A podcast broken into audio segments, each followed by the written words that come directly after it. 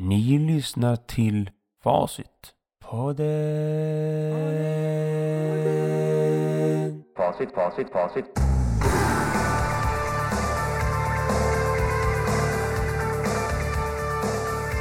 Ja, men gott nytt år! Säg goddag då, alla Facitpodden-lyssnare. Välkommen till Facitpodden avsnitt 58. Nu sitter jag här och spelar in... Det var ett tag sedan. Jag skulle säga det var för länge sedan jag spelade in en podd. Och ni hör här den där lilla lugna lounge jazzmusiken i bakgrunden som jag numera har lagt till. Från något, något arkiv jag snodde från Youtube. Ja, då får jag säga till ifall jag bryter mot någon lag. Jag kan inte kolla upp alla lagar själv. Hur skulle livet se ut då? Om man ska kolla upp allting före man gör något? Nej, jag skulle säga så här. Eh, hellre att be om ursäkt än att be om lov om allting. Mm, det kan ni ta med er. Sänk garden, höj taket är ju annars mitt motto. Förut hade jag fler motton men nu har jag renodlat det till ett motto. Och det är alltså sänk garden, höj taket. Och vad betyder då det? Jo, eh, man, man försöker vara mindre defensiv, man står liksom inte framme i en garde i filosofisk och lingvistisk ställning och bara väntar på att få slå tillbaks någons argument med sina egen eh, snickrade argument. Utan man, man väntar lite och ser vad, vad, säger, vad säger folk egentligen?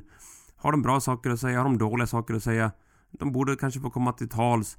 Man är inte liksom på sin vakt hela tiden och vaktar mm, sina kära hjärtefrågor och sina åsikter. Ah. Utan man sänker garden och då kommer taket höjas. Då kommer de här sakerna som är tabu i samhället, som Afrika till exempel, att försvinna. Eh, Afrika kommer inte försvinna, även om en del kan... Ja, skitsamma. Eh, tabuerna försvinner inte. Och, och det kommer de aldrig göra, så det är lika bra att prata om saker som är svårt också. Och ikväll så pratade vi om en ganska svår sak. Jag var på en kompisfest. Och det var ju Jonathan där. Och sen sa jag... Eh, vi kom in på förintelsen. Att det är liksom alltid, det är alltid program. Jämt. Det är program på History Channel, Discovery Channel, SVT1, SVT2, TV4. Och det är Hitler och det är judar och det är Stalin och det... Andra världskriget, ja, judar. Förintelsen. Det är ju inget bra. Men var det verkligen förintelse? Jag menar, vad brukar man säga att det dog? Det brukar... Brukar man säga typ... Ja, sex, man brukar säga 6 miljoner judar dog. Och sen var det lite romer och handikappade och bögar och sådär lite ströfolk. Luffare och någon eh, trollkarl och annat så. Eh, 6 miljoner judar, ja. Det är ingen förintelse. Men det fanns ju fler kvar. Det är så att... Eh, jag vet inte. Om man ska vara lite korrekt. Jag tycker man ska vara matematiskt korrekt. Vad gäller ord. Som man säger dubbla. Man har fem kronor så får man fem kronor till. Då säger man dubbelt. Ska vi säga det allihopa? Dubbelt! Det är fem plus fem. Det är dubbelt. Det är tio. Eh, och eh, om man till exempel... Om man tar Anticimex. Om man har problem hemma med ohyra och kanske eh, granbarkborrar och skalbaggar och termiter och gnager på köksbordet. Tar man in eh, Anticimex. De ska ta bort, de ska förinta alla djur. Och så ser man här, men Anticimex, vi har ju hälften av alla djur är ju kvar. Men de har ju bara tagit bort på ena sidan huset. Ja, det är väl knappast en förintelse. Det är väl mer av en halvering. Eh, till exempel om man skulle säga så här. Vi ska kolla på Afrika här, det bor 1,3 miljarder. Nästa år ska vi dubbla! Vi ska dubbla alla i Afrika! Och 1,3 miljarder, dubbelt på det, 2,6 miljarder. Ja, då kan vi gå tillbaks gå till nästa år och kolla. Har Afrikas population dubblats? Nej, det har den inte. Och det kommer den inte göra. Ja, men då kan vi väl knappast kalla det för en dubblering av befolkningen. Då får vi väl kalla det för en, en, en ökning. Kanske liksom en, en stark ökning så. Och på samma sätt, om inte alla judar har dött, då är det ingen förintelse. Då är det ju en halvering snarare. Ja, det var mitt intro. Ja. Facitpodden. Ja, som ni märker så börjar det ganska tufft här. Ganska tuffa skämt. Ganska hårda ord. Och så där man skämtar om folkgrupper och så. Det brukar jag göra. Jag tycker det är kul. Eh, så, jag vet inte. Svenskar är en folkgrupp. Svenskar är roliga. De åker ibland på semester och så sjunger de dö, dö, dö, dö, dö, dö. Och så typ ja, Leksand och så sprutar de öl och sådär. Det är, det är roligt. Dumma svenskar. Ja, vi är roliga vi svenskar. Eh, men det blir lite hårt då. Alltså, ibland blir det lite hårda skämt. Jag tycker det kan vara okej. Okay. Men, men en del tycker att man ska inte skämta om några som det finns få av. Till exempel En del brukar säga åh men det finns väldigt få puertoricaner i Sverige så skämta inte om dem så. Och, nej det är sant, det finns, det finns få puertoricaner. Och många puertoricaner tror jag har det ganska tufft i Puerto Rico. Inget riktigt land, de vet inte liksom vad som gäller. Är det, ja, det är ingen delstat men det är ändå USA på något sätt och de har en flagga som ser nästan exakt ut som, som Texas flagga. Och när det blev storm och orkaner och skit så jämnades nästan med marken sådär. Så det är tufft i Puerto Rico.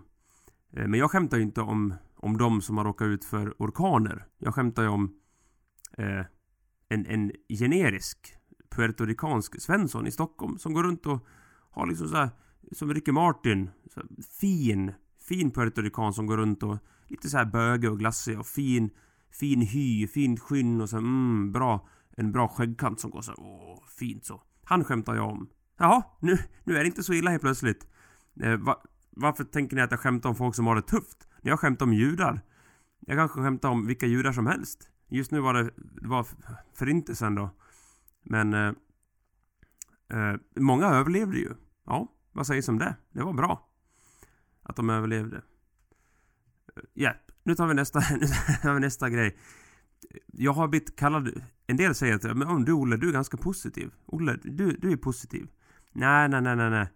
Nej, det skulle jag inte vilja säga. Jag är en... Jag är en eh, militant pragmatiker, brukar jag säga. Jag är en militant pragmatiker och verklighetsälskare. Och förhoppningsvis en verklighetsacceptör. Och är alltså en person som accepterar.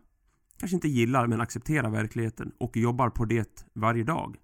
Med hjälp från en del proffs också. Acceptera verkligheten, det är bra.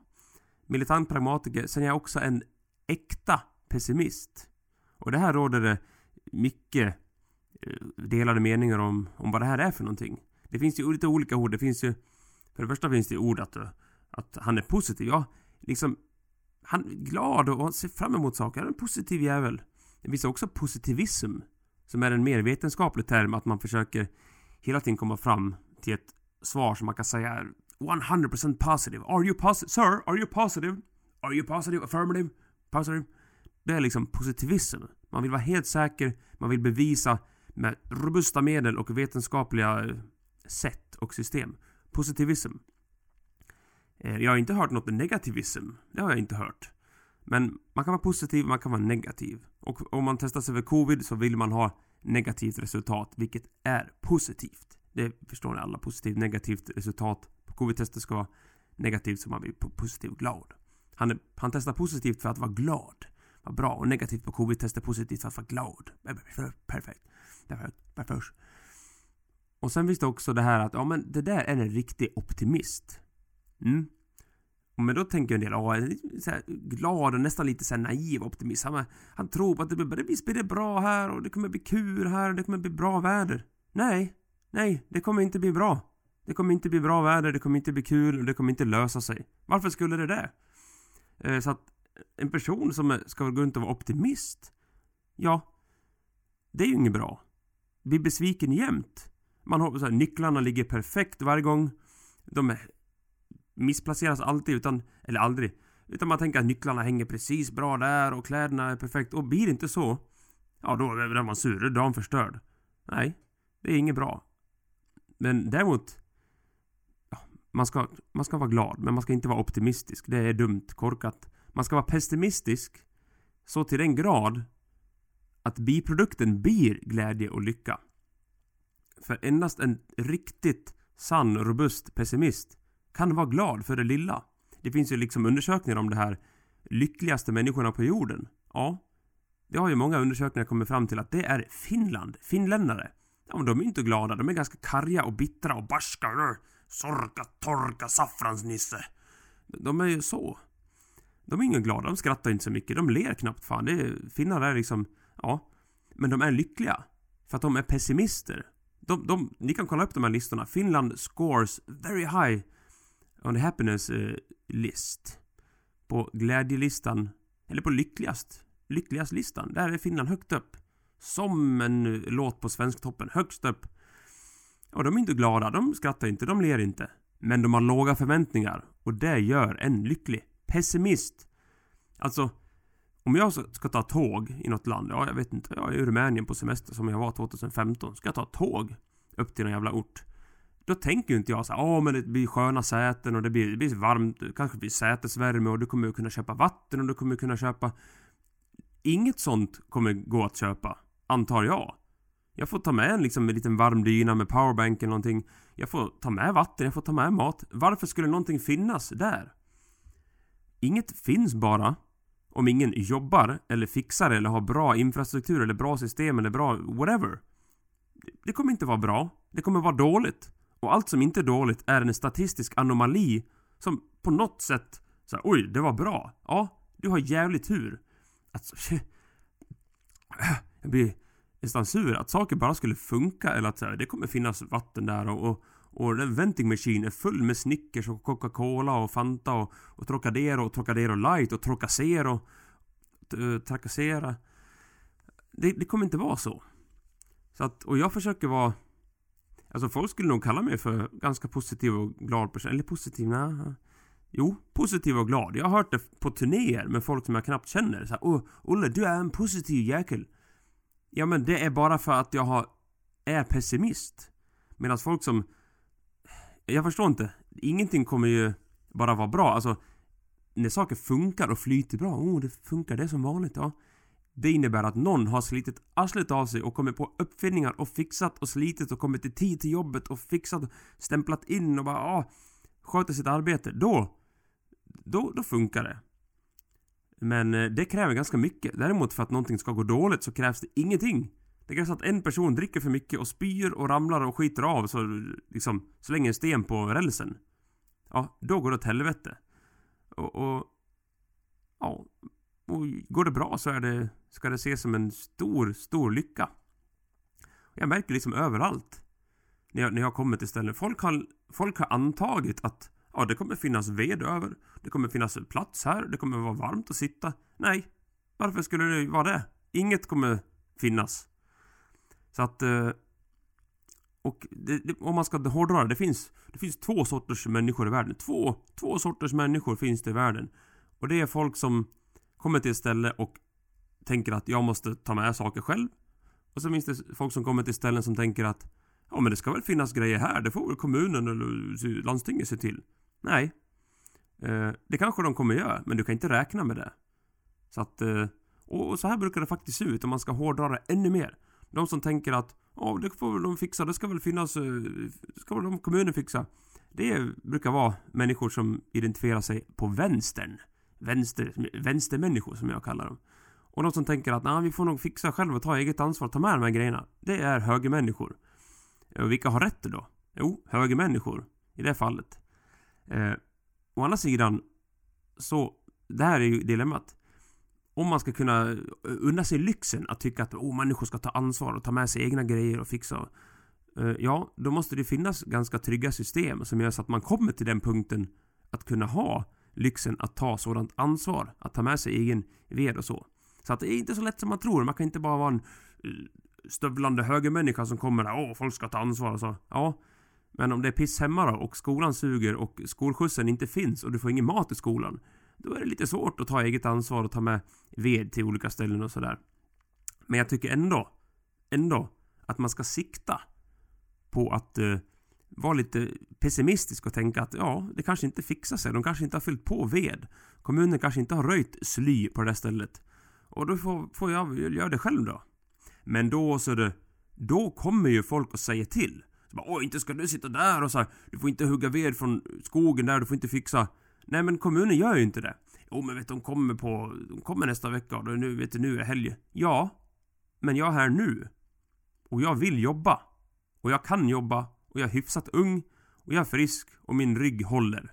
Ska inte jag få jobba då och ta ner lite sly här och gallra skogen gratis? Utan att kommunen ens behöver säga någonting? Jo, det tycker jag. Jag har huggit mycket ved eh, åt kommunen och fixat utan att ha bett om någonting. Sen har jag tagit mycket ved utan att sagt att jag har gjort det. Så det går väl typ jämnt ut, tänker jag. Eh. Ja, nej. Pessimist är den enda rätta vägen. Bara en riktigt grov pessimist och eh, pragmatisk eh, militant som mig kan vara glad och nöjd. Jag är... Visst, livet är fullt av problem och skit och dålig sömn och stress och utbrändhet och diagnoser och ADHD och mediciner och mötesträffar och sånt. Men, det är ganska bra ändå. Och eh, att förvänta sig, ja, det är död, misär, handikapp, missade betyg, dubbla uppkörningar och parkeringsböter och någon dör och någon skadar. Det är standard.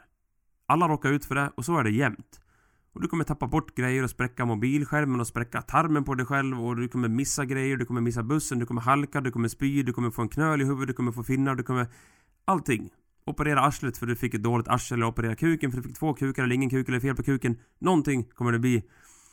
Att det bara funkar. Nej, så kommer det aldrig se ut. Kommer aldrig se ut så. Uh, nej, så är det helt enkelt. Pessimist, the way to go. Facitpodden. Ja, nu är det ju slut på jul och nyår och allting sånt. Så nu är det äntligen vanlig vardag när man kan jobba och greja och faktiskt förvänta sig att affär och apotek har öppet som vanligt, som de säger, som det står på Google. Annars så är det, det står på Google typ, ja vi stänger fyra. Och sen har de stängt två ändå, för att det stämmer inte. För att på nyår och jul, ingen vill jobba. Ingen vill jobba. Jag vill jobba. Och jag jobbar ganska mycket nu. Men på jul så var jag till Visby och firade jul med min bror. Men vi tog inget flyg, vi tog båt. Så då slipper man stå i... Det är ingen boarding liksom. Du, du åker bara på båten med bilen. Det är ingen boarding.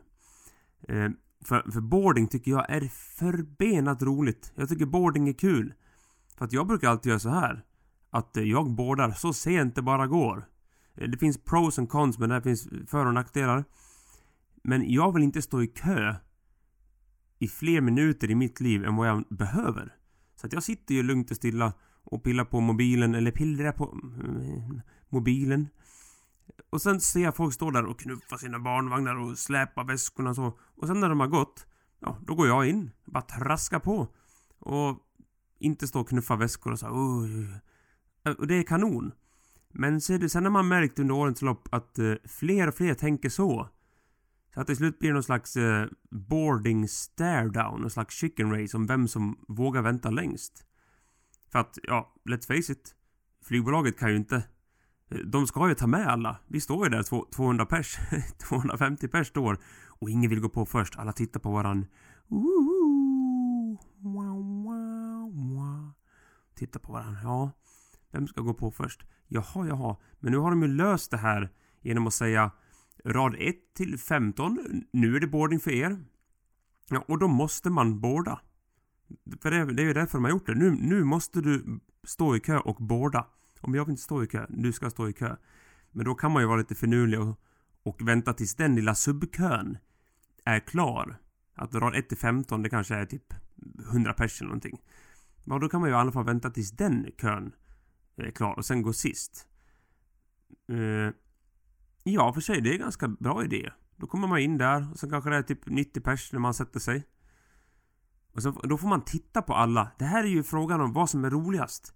Antingen kommer man in sist, då får man se alla som sitter ner och tittar på en som att oh, fan kommer du in sist ju. Men fan tror du att du är? Det känns lite så. Antingen blir det så, eller så kommer man in ganska tidigt och får se folk eh, komma liksom och släpa på grejer. Jag tror nog det, det är nog fan ganska mycket roligare det. Att sitta ner i planet och titta på folk som kommer och trycker och svettas och, och konstiga... Ja, det är nog roligare faktiskt. För att komma in sent, då är det som att alla väntar på dig och du får liksom en... Liten, det är som att du får folket emot dig. Du får allihopa som sitter där emot dig. Och hur kul är det att ha 250 pers emot dig instängd i en flygande plåtkorv i luften i en cell? Mm, det kanske inte är så bra. Det är ingen bra karma och ingen bra feng shui i kön till toaletten när man står och så väntar man på att någon ska skita klart och trycka ut eh, korven i den där blåa grejen så Oh, det låter jättemycket gör det. Nej, man kanske inte vill vara osams med alla genom att komma in sist. Uh, jag ska nog baska mig... Baska mig gå in tidigt och sen får jag titta på folk istället. Det är nog roligare att titta på folket. Ja, nu bestämmer jag det. Jag ska gå in ganska tidigt nästa gång. Om man nu får flyga här i världen, fan i mig. Åh, den där jävla toaletten på flyget. Satan i gate. Det är, alltså man kommer in Och visst, om man är 1,55, en liten asiat med tiny, little tiny, little tiny, då kanske det går. Men jag kommer in där, stor, stor svensk, stora knän och stor näsa. Eh, 1,87 är jag, kommer in där typ nästan 90 kilo. Då vill inte jag... Jag vill inte såhär knöka, du vet. Det är trångt där, det är trångt på toaletten. I ett vanligt jävla skitplan. Då kissar jag i handfatet. Ja, jag har gjort det! Må många gånger jag har kissat i handfatet på... Men... Ja, det är inte så att jag kissar uh, överallt utan... Eh, jag kissar lite på handfatet, eller i handfatet. Och sen sköljer jag ner det noggrant. Eh, jag använder inget papper. Knappt någonting. Och det blir inte det här vattensvinnet att man uh, måste spola bort 5-10 liter vatten eller vad de nu gör. Så att det är väl Eh, bättre miljö, ur miljösynpunkt. Och sen, alltså att ha mitt varma svettiga arsel på sitsen på flygplanstoaletten, är skulle det vara bättre än att det kommer något mikroskopiskt stänk med kiss? Kiss som är så rent, säger alla vuxna och säger alla sjukhus. Eh, kiss är rent, det är liksom renat. Det har gått igenom kroppens lager av kol och njurar och fan körtlar och kapillärer, vener och artärer. Allting har gått igenom. Och, och då är det rent. Så att jag... Visst, jag vill inte att någon skulle se mig kissandes på, i handfatet. Det skulle jag inte. Men jag tycker... Precis som George säger i Seinfeld. George Costanza säger i Seinfeld. It's all pipes! Det är bara rör. Så so what's the point? Jo, vad är poängen? Jo, jag har gjort upp en liten miniatyrlista. En liten minilista på tre eh, ställen som slukar vatten i ditt hem. Eh, där det blir äckligare och äckligare att kissa. Så till exempel i, ja, tre platser. På plats ett är det lite småäckligt att kissa. På plats tre är det väldigt fel och äckligt att kissa. Så om det är på toa så, mm, ska jag duscha. Åh, vad skönt att stå och duscha. Duscha, duscha. Och så kissar du i duschen. Mm. En del skulle säga nej det får du inte göra. Men jag skulle säga jo, det får du göra. Men det är i alla fall... Uh, rapa lite här. Det är på plats ett. Eh, alltså, inte jättehemskt att kissa i duschen. Jag tror alla gör det. Och jag tror till och med tjejer gör det. För då kommer det på benen. Men det kan man tvätta bort. Kiss som är så rent. Eh, det är plats ett. Kissa i duschen. Inte så farligt. Kissa i handfatet. Däremot i, på toan då. Han, toaletthandfatet. Det är lite värre skulle jag säga. Eh, lite värre. Men på plats tre. Eh, alltså mest äckligt. På skala 1 till 3. 3 av 3 på skala 1 till 3. 1 av 3. 3 av 3. Det är att kissa i, i diskhon i köket. När folk står där och äter snittar och tilltugg på din förfest. Då skulle jag säga ah, Då skulle jag nog säga att det blir lite för mycket att kissa där faktiskt.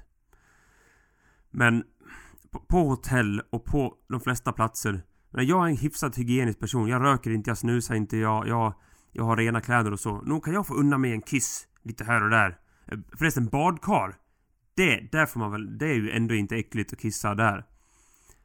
Uh, för du ligger ju i badkaret. Och det kommer inte vara så mycket kiss. Så att det blir en kissavlagring så det rinner sånt här brunt seriemördarkladd nerför liksom... Uh, så.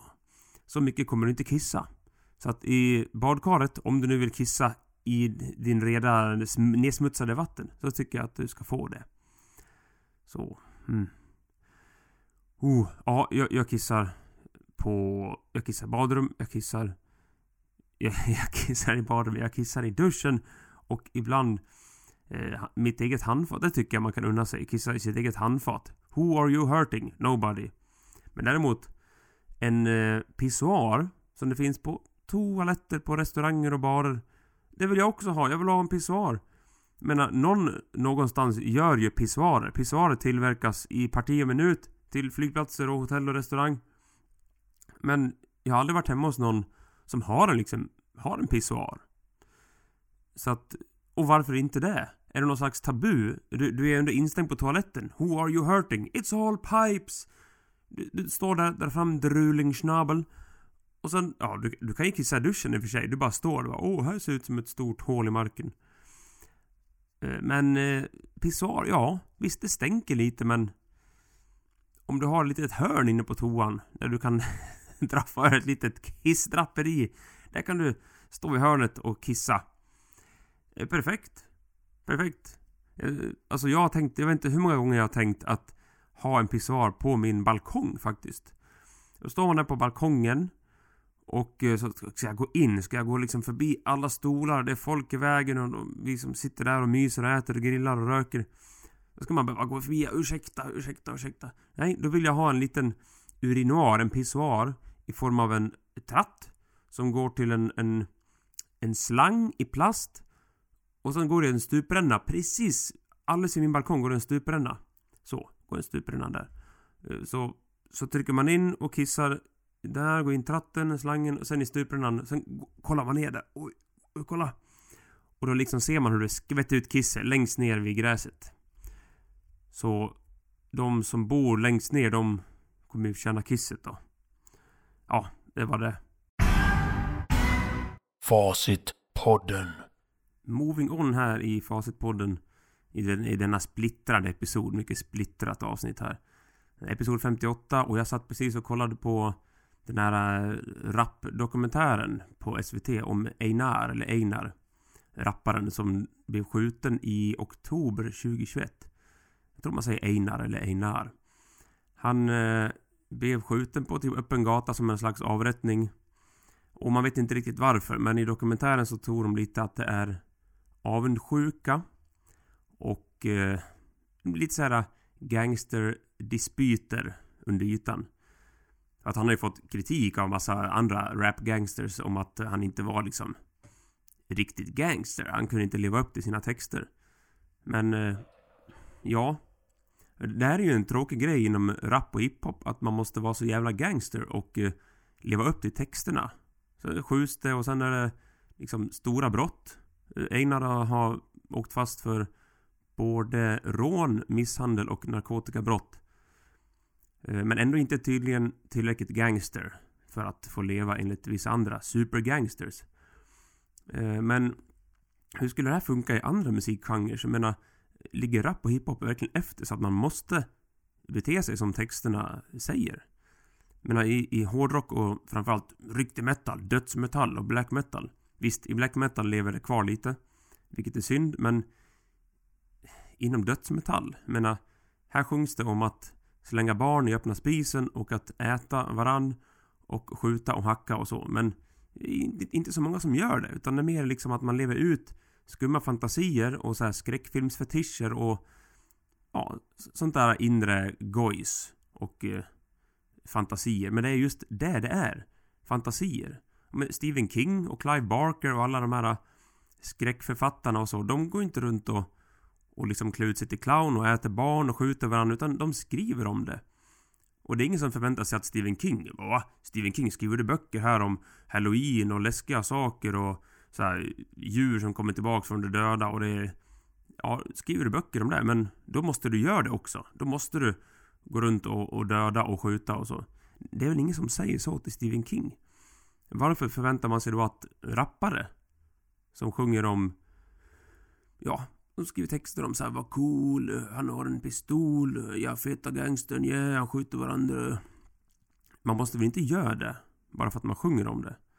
Så det här ger ju hiphop och rap ett dåligt rykte överlag, skulle jag säga.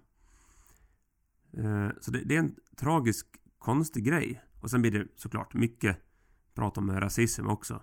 Jag har sett eh, lite threads och kommentarer och hört från folk överlag att eh, och först nu när det är en vit kille i Sverige blir skjuten då blir det debatt om, om raptexter och gangsters och då blir det en himla uppståndelse. Men när en svart kille blir skjuten i förorten som håller på med hiphop, då, då, då.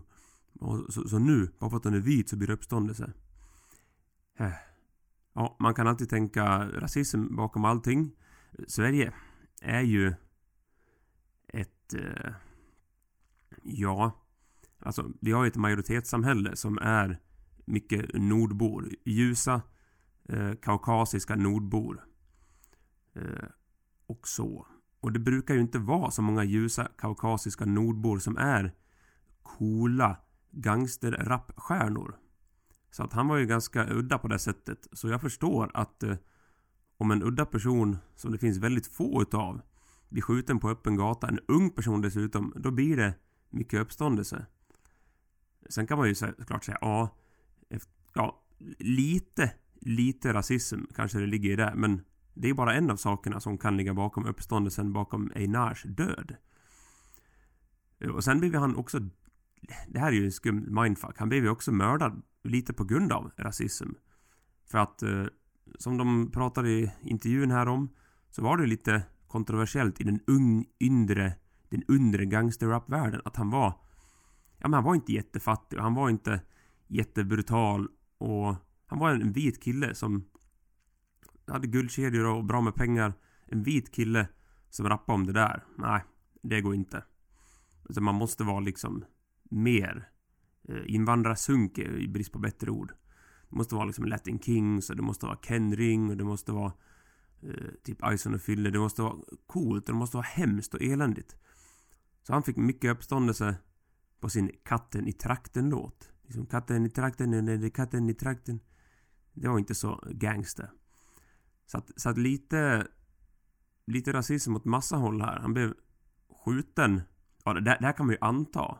Jag gillar inte att anta rasism, men om man ska anta rasism bakom uppståndelsen, att en vit kille mördas inom rapvärlden, då blir det uppståndelse. Då kan man väl lika gärna anta rasism att han blev mördad. På grund av rasistiska motiv. För att folk var avundsjuka för att en vit kille kommer och liksom spränger listorna med Spotify över alla liksom true invandrar-gangster-rappare. Jag vill inte anta rasism i någon ände, men om man ska göra det kan man i alla fall vara konsekvent med det. Huh. Nu rasist, rasistisk rant. Ja, men mm, precis. Einar. Inom andra genrer, inom skräckfilm och inom dödsmetall, där behöver man inte bete sig som texterna skriver.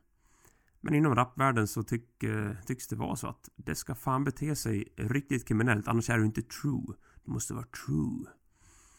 Ja, hur länge kan man vara true innan det går åt helvete inom rapvärlden? Inte så länge. Nej, nej, nej. Facitpodden. Ja, har ni hört en så splittrad poddepisod någon gång? Först var det judeskämt om förintelsen, sen var det pessimism och optimism och äkta pessimism och sen vart man får kissa någonstans och sen Einar, Einar, eh, rapparen Nils. Eh, och, och nu då?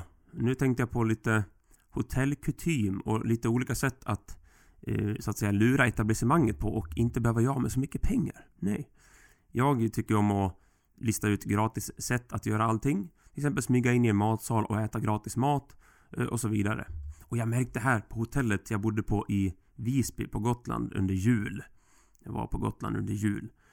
Då skulle man ju anmäla sig till frukosten vilken tid man skulle äta för att inte så många skulle komma in samtidigt med tanke på covid. Eh, så tryckte jag in en tid på internetappen och sen kom jag ner ungefär den tiden. Men det var ingen som kollade om jag hade bokat den tiden och det var ingen som kollade om jag ens bodde på hotellet. Så då kan man ju bara gå in från gatan till ganska många hotell och vara lite välklädd. För let's face it, ska man lura eh, etablissemanget på pengar ska man vara ganska välklädd. Om man kommer in i sunkiga kläder, en one piece med dregel och chokladfläckar och bajs och kiss. Då kanske de tycker, ah, bor han verkligen här? Då kommer man in med powerpoint-datorn i högsta hugg och fina bruna polerade läderskor och en bra kostym. Sätter sig där och äter som att inget har hänt. Då får man nog sig en gratis frukost, ladies and gentlemen. För att, let's face it, appearance is everything. Mm, det är det för alla psykopater är ganska välgroomade och fint hår, fin hy, fint skinn, fin skäggväxt, fina skor, utrotningshotande bälten, fina allting. Psykopater kan klä sig bra, det ska man ge dem. Så att jag har tänkt då, jag måste nog testa det här någon gång, att glida in eh, på ett hotell eller en bed and breakfast och helt enkelt sätta mig och äta av frukosten. Och då ska jag klä upp mig jättefint och så ta en liksom en dag när jag testar om det här ens går. Klä upp sig fint, ha portfölj, ser jävligt busy ut och så. Men vad gör man om folk kommer på en? Ska man då säga ja, jag är på affärsmöte här i Falun eller i Borlänge och sen eh, Jag trodde att frukosten ingick för alla som var på affärsmöte här. Ah, nej, svårt. Det är mycket svårt det där. Men på hotellfrukostar och så har jag märkt en sak som eh, är lite svår att bena ut om man får göra så. För det första brukar jag ju kolla tiderna. Så om de har öppet mellan 7 och 11, vilket de har haft på vissa ställen utomlands, ja, då går jag upp klockan kvart i sju ibland. Hänger på låset. På, och sen äter jag frukost klockan sju till kvart över sju. Sen går jag upp och sover. Sen kommer jag ner kvart i elva. Och äter lunch igen. Samma frukost, samma mat. Och då säger ju en del så här, ja men du vet det, det är okej att ta med sig lite frukt och, och, och mackor och sånt. Man får ta med sig frukost upp till, till rummet. Det, det brukar vara okej. Men ser du, jag har inte sett någon skylt någonstans på något hotell någonsin där det står så här. Åh, välkommen att ta upp mat och frukt och mackor från frukosten på rummet. Det är okej. Nej. Men mina föräldrar sa att så brukar man göra. Ja, men det står inte att man får göra det. Så att... Uh, mm. Och, och, nu med Corona så är det lite så här att uh, en del säger ja men hotellen de vill nästan att du ska, du, du, ska ta upp lite frukost på rummet. Det är bra. Det blir inte så mycket folk på samma ställe och då blir det mindre Corona, mindre Covid-19. Okej. Okay. Men det stod det inte heller någonting om. Så att jag undrar hur det egentligen är med det här. Om det bara är någon slags oskriven regel. För att när man sitter och tar med sig frukt och mackor upp på rummet. Eller som matsäck på dagen från hotellet. Då gör man det ju lite i smyg. Man sitter ju inte helt öppet och bara så här brer massa mackor eller massa frukter och, och tar med sig upp. Utan du gör ju liksom, du sitter så här, åh, och har en liten påse och sen gör du en liten gest och hostar lite i skägget så här, jag, jag måste ta med mig mycket makropp. Jag har blodsockerförfall och, och diabetes och sjukdomar. Du sitter liksom och gör en grej av det. Du sitter inte bara brer. Du, du tar inte med en matlåda med och sen fyller på med bacon och, och scrambled eggs och bruna bönor och pannkakor och sylt. Du gör det lite i smyg. Men om man får göra det, varför gör det i smyg? Varför inte göra en öppen grej av det? Och så får man helt enkelt se hur mycket man får ta med sig innan de säger stopp, Så, så, så. Vad fan ska du öppna en flyktingförläggning på rummet? Du kan inte ta med tio bananer och, och liksom kakor och sylt och, och pannkakor. Du kan inte ta med dig... Ja, men eh, får man ta med sig frukost upp eller inte? Och om man får det, skriv en lapp. Du får ta med dig frukost upp. Och då kan också lappen innehålla information om hur mycket du får ta med dig upp. För att om det står så här, du får ta med dig två mackor, en kopp kaffe, en frukt, bla bla bla. Och sen tar jag med mig fyra mackor, tre koppar kaffe och sju frukter. Ja, då kan ju de komma och säga Hallå, Mr Ekman, Mr Ekman, Pet for You have taken too much, you, have, you can only bring two sandwiches, one fruit. Men nu är det ingen som bryr sig. Och då tänkte jag testa någon gång att faktiskt ta med mig upp väldigt, väldigt mycket. Och nu snackar vi IKEA plastpåskassar, en plastback. Och sen får vi se. Får man ta med sig upp eller inte? Och eh, om jag då tar med mig väldigt mycket upp, då kommer de kanske säga Mm, det där var mycket. Du, du har tagit med dig mycket upp. Eh, är, är det, känner du att det är okej, okay, Mr Ekman? Ja, det är okej. Okay. Ni har inte sagt någonting och ni har ingen skylt. du förstår, det här kommer urarta. Och, och så alltid blir det så här med mig att Ja, står det ingenting om vad man får göra, då gör jag det tills de säger ifrån. Och om man nu får ta med frukost upp, varför inte ta med mycket upp? Varför inte utnyttja systemet? Åh, men ska man verkligen utnyttja systemet? Samhället står ju och faller på människors välvilja eh, och liksom kutym. Ska vi verkligen gå emot det här och utmana varje regel? Så, ja, ja det, jag gör så. Jag gillar tydliga ramar. Och bättre att be om förlåtelse än att be om lov. För jag har bett mycket om lov och sökt många tillstånd i mina dagar. Och det visar sig... Lo and behold. Myndigheter, kommun och viktiga personer, de bryr sig inte så mycket. Eh, de bryr sig i alla fall inte tillräckligt mycket för att komma förbi och säga Oh, Olle, Olle, Olle. Den här festen du har ordnat här på den här naturreservatet, det får du inte. Så, så nu får du böter. De bryr sig inte. Eh, för jag träffar folk som inte har bett om tillstånd och ingenting. Och då har ingen heller sagt åt dem. Så att, eh, ja, man ska inte var för godtrogen och söka alla tillstånd jämt och be om alla lov jämt. För då kommer du ibland få ett nej. Och eh, jag gillar inte nej. Jag gillar hellre att eh, man fixar någonting bra. Och sen får folk säga till. Nu blir det för mycket, nu blir det för högljutt och bla bla bla. Ja. Mm. Hmm. Nej, jag ska ju mynta ett uttryck om det inte redan finns.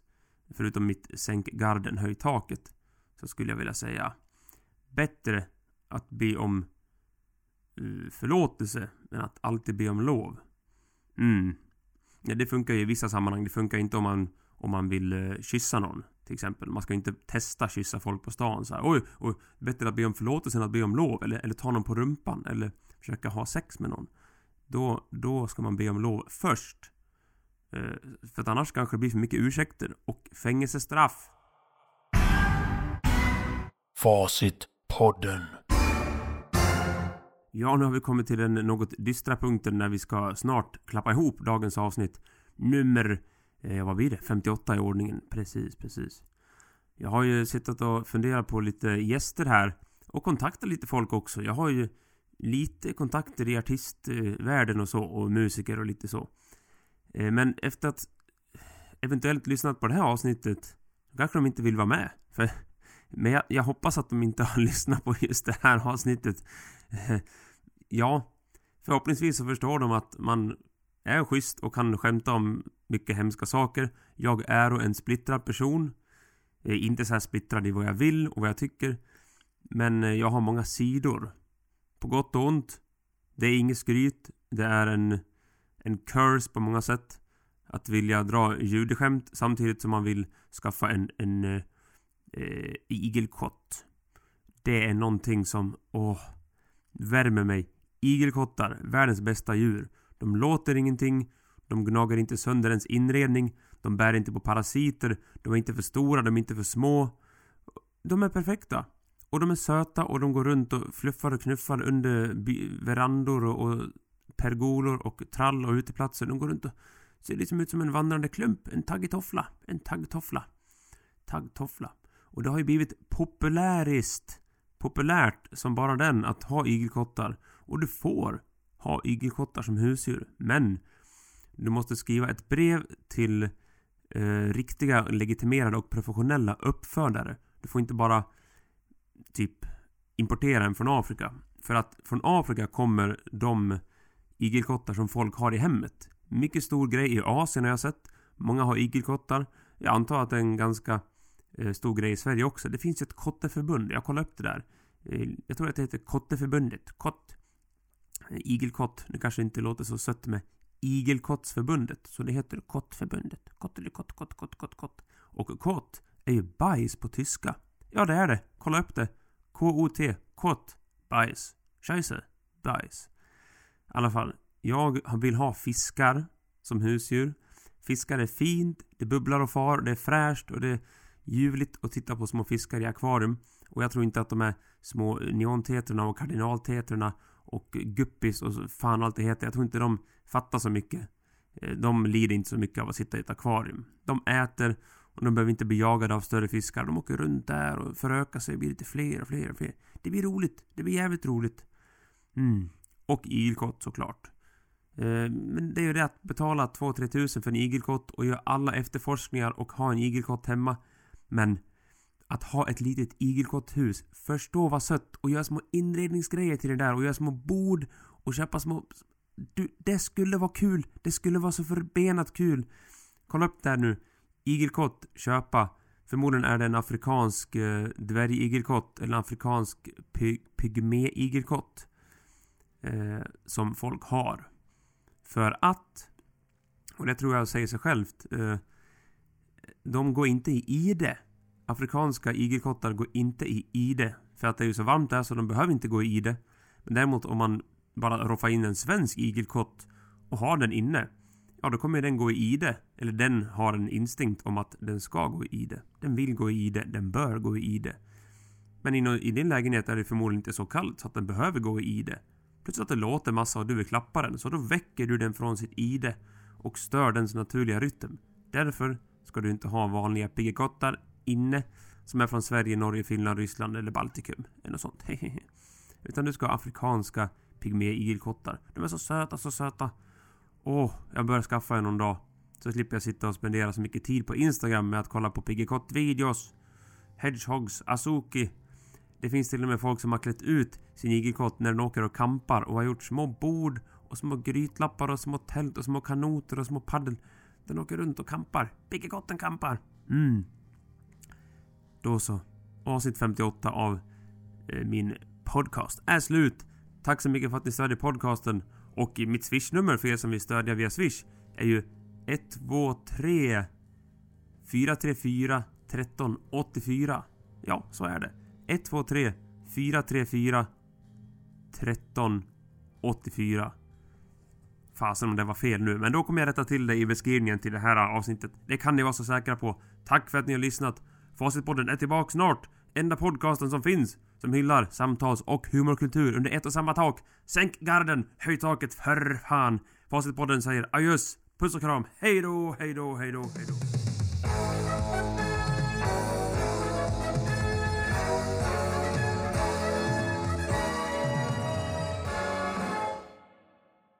Facit, facit, facit, facit, facit, facit, facit.